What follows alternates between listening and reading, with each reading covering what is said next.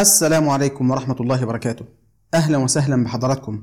معاكم عبد الله خلف وحلقة جديدة من بودكاست قهوة سادة.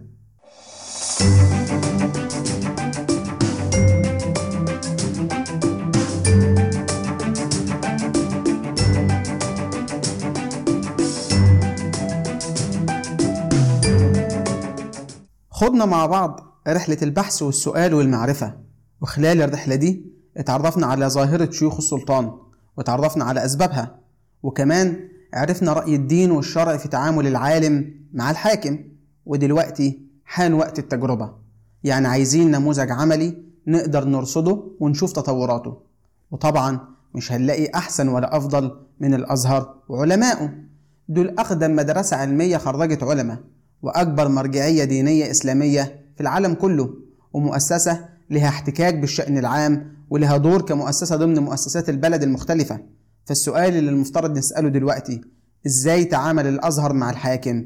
وهل كانوا شيوخ سلطان ولا وقفوا في وش السلطان ومحدش قدر عليهم؟ ورغم سذاجة طرح بعض الأسئلة دي خلوني أحكي لكم حكاية. كتير من المتابعين هيتبسط منها. ولأن الحكايات ساعات بتكون أفضل في التعبير من مجرد سرد كلام نظري. وقبل ما نقول أسألكم سؤال. حد من حضراتكم يعرف أصل كلمة يا خراشي اللي ساعات بتتقال في وسط كلام المصريين؟ أكيد بعضكم عارف قصتها. أحكي لكم حكايتها. دي قصة لها أصل وفصل وأصل الكلمة دي إنه في القرن السبعتاشر جرى العرف إن يتم شغل منصب شيخ الأزهر بالانتخاب من بين كبار العلماء وأول واحد كان تولى مشيخة الأزهر كان الشيخ محمد عبد الله الخراشي. وفي الفترة دي زاد ظلم المماليك على الشعب المصري ومن ضمن المماليك الظلمة دول كان شخص اسمه عثمان بك البرديسي ومحمد بك الألفي وغيرهم. فكانوا بيأمروا ممالكهم فيروحوا على بيوت الناس ينهبوها وياخدوا اللي فيها وغيرها طبعا من المظالم اللي كانت بتحصل. فكانت الناس بتلجأ للأزهر الشريف وتستنجد بشيخ الأزهر عشان يرفع الظلم عنهم. وشاع في الفترة دي هتاف كانوا بيقولوا فيه إيش تاخد من تفليسي يا برديسي؟ وطبعا بيقصدوا عثمان بك البرديسي. وكمان شاع هتافهم يا خراشي! وده بيقصدوا بيه الشيخ محمد عبد الله الخراشي شيخ الأزهر عشان يرفع عنهم الظلم اللي كان بيقع عليهم من المماليك. فكان بيروح بنفسه مع المظلومين لحد ما ينتصر ليهم ويجيب لهم الحق. فكان صعب عليه يسمع مظلمة ويطنشها. علشان كده بابه كان مفتوح طول الوقت ومنه لديوان الولي على طول. وده كان أصل كلمة يا خراشي. حلو القصة؟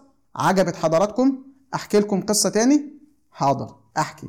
بص يا صديقي في منتصف القرن ال 18 كان في إمام عظيم اسمه الإمام الدردير وكان شيخ السادة الملكية وفي نفس الفترة دي حصل اعتداء ونهب من قبل المماليك لبعض الأهالي في القاهرة فالناس لما وقع عليهم الظلم عملوا إيه؟ لموا بعضهم وطلعوا على الأزهر وقعدوا يهتفوا واستجاروا بالشيخ الدردير فقال لهم بكرة حقكم هيرجع لكم وبكرة هنطلع على بيوت المماليك ناخد اللي نهبوه منكم فالمماليك وشيخ البلد والكبارات أول ما سمعوا ركابهم خبطت في بعض وبعتوا للشيخ الدردير وراحوا له لحد عنده وقالوا له إحنا آسفين يا مولانا اكتب لنا قائمة بالمنهوبات والمسروقات ونجيبها لك منين ما كانت ونجيبها لحد عندك يا سيدنا واتفقوا على كده وقروا الفاتحة. إيه رأيكم في القصة دي كمان؟ عجبتكم؟ في منها كتير لو تحبوا بس إحنا جايين نناقش قضية ونعرف جزء من تاريخنا. وحكينا الحكاية دي عشان إحنا عاوزين نعرف هو إزاي الشيوخ الأزهريين دول كانوا أقوياء كده. وهي إيه شكل العلاقة اللي كانت بين شيوخ الأزهر وبين الحاكم والسلطة؟ وهل شكل العلاقة دي كان كده طول الوقت؟ ولا في اختلاف واضح بين الصورة دي وبين صورة الشيوخ دلوقتي؟ وسهل عليا أجاوبك وأقول لك إن دي مؤسسة من ضمن مؤسسات البلد. جعل رأسها شخصيات مختلفة ومر على المؤسسة حكام مختلفين ومرت بفترات تجاذب وتنافر وصعود وهبوط. بس ده هيكون رد دبلوماسي. لكن مش دي الحقيقة كاملة.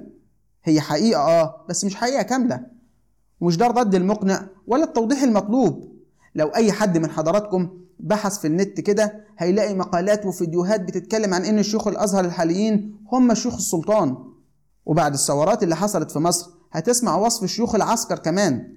وهتلاقي الإخوان والجماعات وأصحاب الأفكار المتطرفة المختلفة بيستحضروا القصص اللي فاتت في التدليل على إن الشيوخ الحاليين دول خلفوا منهج الأزهر وتنكروا لسيرة آبائهم ومشوا جنب الحيط بعد ما كانوا شيوخ الأزهر زمان الناس بتلجأ لهم عشان ياخدوا حقهم وإن الحكام كانت بتخاف من شيوخ الأزهر.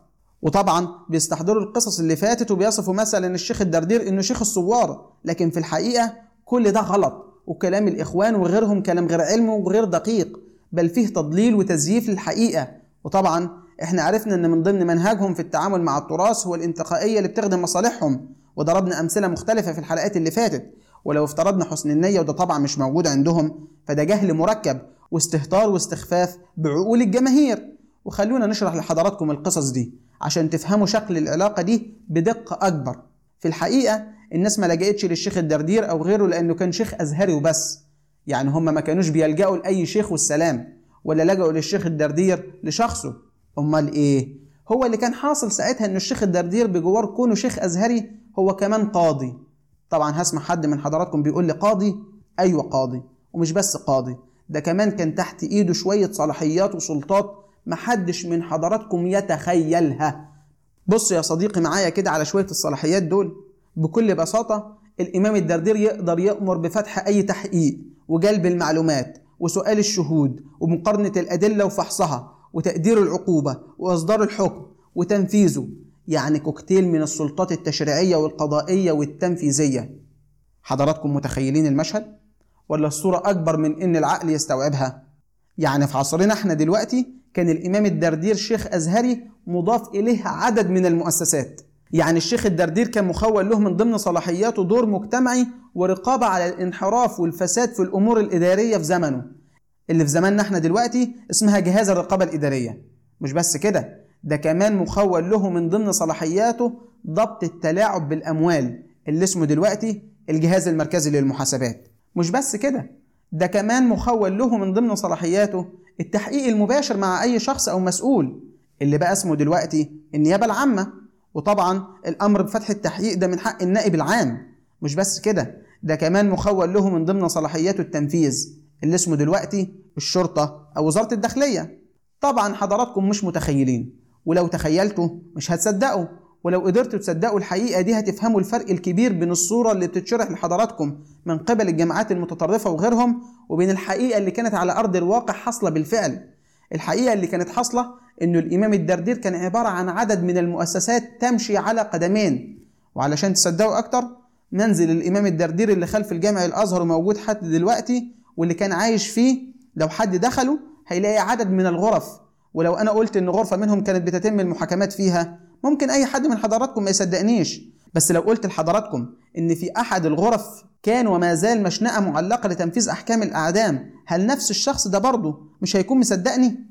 وعشان نفهم أكتر لازم نفهم إن مقدرة الإمام الدردير على مواجهة الظلم ده سواء كان من الحاكم أو المحكوم كان لسببين الأول كانت قوته في دين الله تعالى وشدة غيرته على حرمات الله وحقوق العباد وشدة إنسانيته ونصرته للمظلوم أيا كان والسبب الثاني هو توفر مصادر المعلومات وأدلة الإثبات اللي تمكنه من اتخاذ المواقف الحاسمة من فتح التحقيق وتقدير الجريمة والعقوبة والتنفيذ.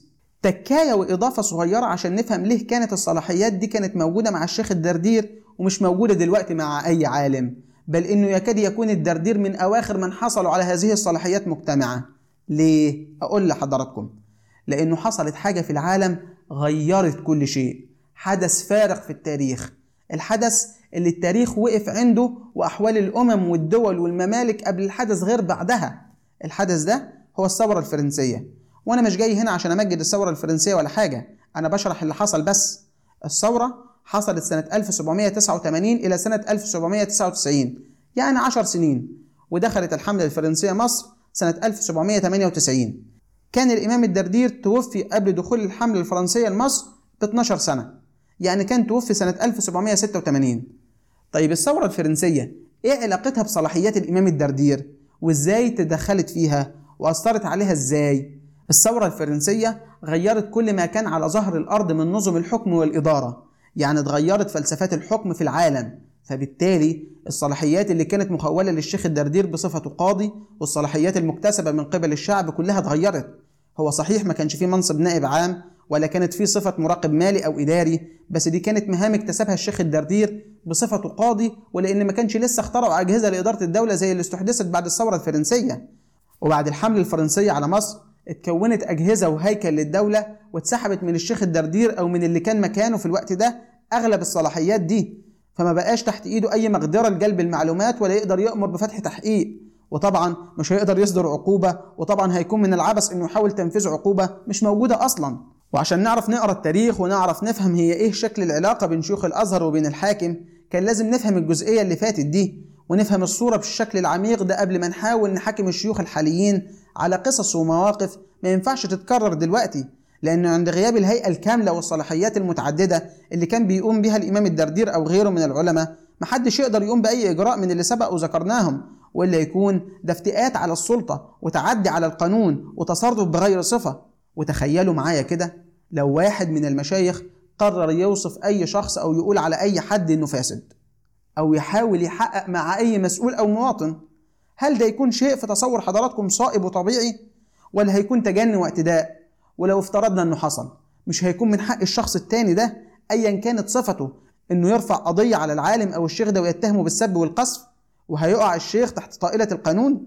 فمحاولة إسقاط مواقف لعلماء سابقين على المعاصرين من شيوخ علماء الأزهر فيه تلميح مش لطيف إن المعاصرين دول عاجزين وعبيد للسلطة وجبنة وما بينصروش الحق ولا بيجهروا في وجه الظالم بكلمة حق والحقيقة إنهم مش كده أبدا لا باعوا دينهم ولا رضخوا للظلم ولا ماشيين جنب الحيط بل على العكس بيتحروا رضا ربنا في اللي بيقولوه على قد وسعهم وطاقتهم. وعدم قيامهم بمواقف الأقدمين زي اللي حكيناها دي كان سبب التحول الاجتماعي والإداري والتنظيمي والهيكلي اللي اتغير بعد الحملة الفرنسية على مصر. ونرجع لشكل العلاقة بين شيوخ الأزهر والحاكم. وخلينا أقول لك وأعد لك الإجابة اللي قلتها من شوية إن دي مؤسسة من ضمن مؤسسات البلد. جه على رأسها شخصيات مختلفة ومر على المؤسسة حكام مختلفين. ومرت بفترات تجاذب وتنافر وصعود وهبوط. فعلماء الأزهر كانوا بيضعوا موازين لإدارة هذه العلاقة بيحققوا بيها الحفاظ على أمانة العلم والشرع الشريف. ومن خلال الموازين دي بيدركوا الواقع بمختلف ملابساته وعليها بينسجوا علاقتهم بالحكام سواء تقاربت المواقف أو تباعدت واختلفت. والخلاصة إن القصص اللي فاتت دي أو غيرها هي لا ثورة ولا خروج على الحاكم. ولا العلماء دلوقتي بيهدنوا السلطة ولا أي هري من اللي بيتقال في الميديا دلوقتي. دي علاقة حكيمة ورشيدة قايمة على حفظ الدين ومصلحة الناس والحفاظ على مقدرات الشعب. ولما كان تحت إيديها صلاحيات أكتر استخدمتها بكل حكمة وفي مصلحة الشعب والبلد. وممكن هنا حد يسألني ويقول طب العلماء اللي ما كانش عندهم سلطة كانوا بيتعاملوا إزاي مع الحاكم؟ أقول لحضراتكم إنها علاقة مبنية على الثقة المتبادلة والمحافظة على الدين وشريعة ربنا وكمان المحافظة على أرواح الناس وأمنهم. وإن العلاقة بين العالم والحاكم بتعتريها الأحكام التكليفية الخمسة زي ما شرحنا في الحلقة اللي فاتت وإنه مش مطالب من العالم إنه يقف ويهتف في وش الحاكم. وفي الحقيقة اللي بيحصل من بعض الجماعات المتطرفة إنهم ما بيقفوش في وش الحاكم ولا حاجة. دول بيقفوا على المنابر وشاشات التلفزيون إرضاء للجماهير. وإن العبارة اللي بيروجوها بيطنطنوا بيها طول الوقت. وهي كلمة حق في وجه سلطان جائر بيهملوا فيها مفتاح العبارة وهي كلمة عند يعني المفترض العالم يقول للحاكم على الملحوظات اللي رصدها. وطبعا ده مش هيتم إلا بعد علاقة حسنة مع الحاكم. تسمح للعالم إنه يدخل على الحاكم ويشرح له المشكلات. وإحنا استعرضنا في الحلقات اللي فاتت نماذج لعلماء تعاملوا مع الحاكم. منهم اللي كان عنده منصب زي الإمام الباقلاني ومنهم اللي ما كانش عنده زي قصة الحسن البصري واللي بينا فيها إن الحسن ما كانش خارج على الحجاج ولا حاجة بل كان بيدخل على الحكام وينصحهم.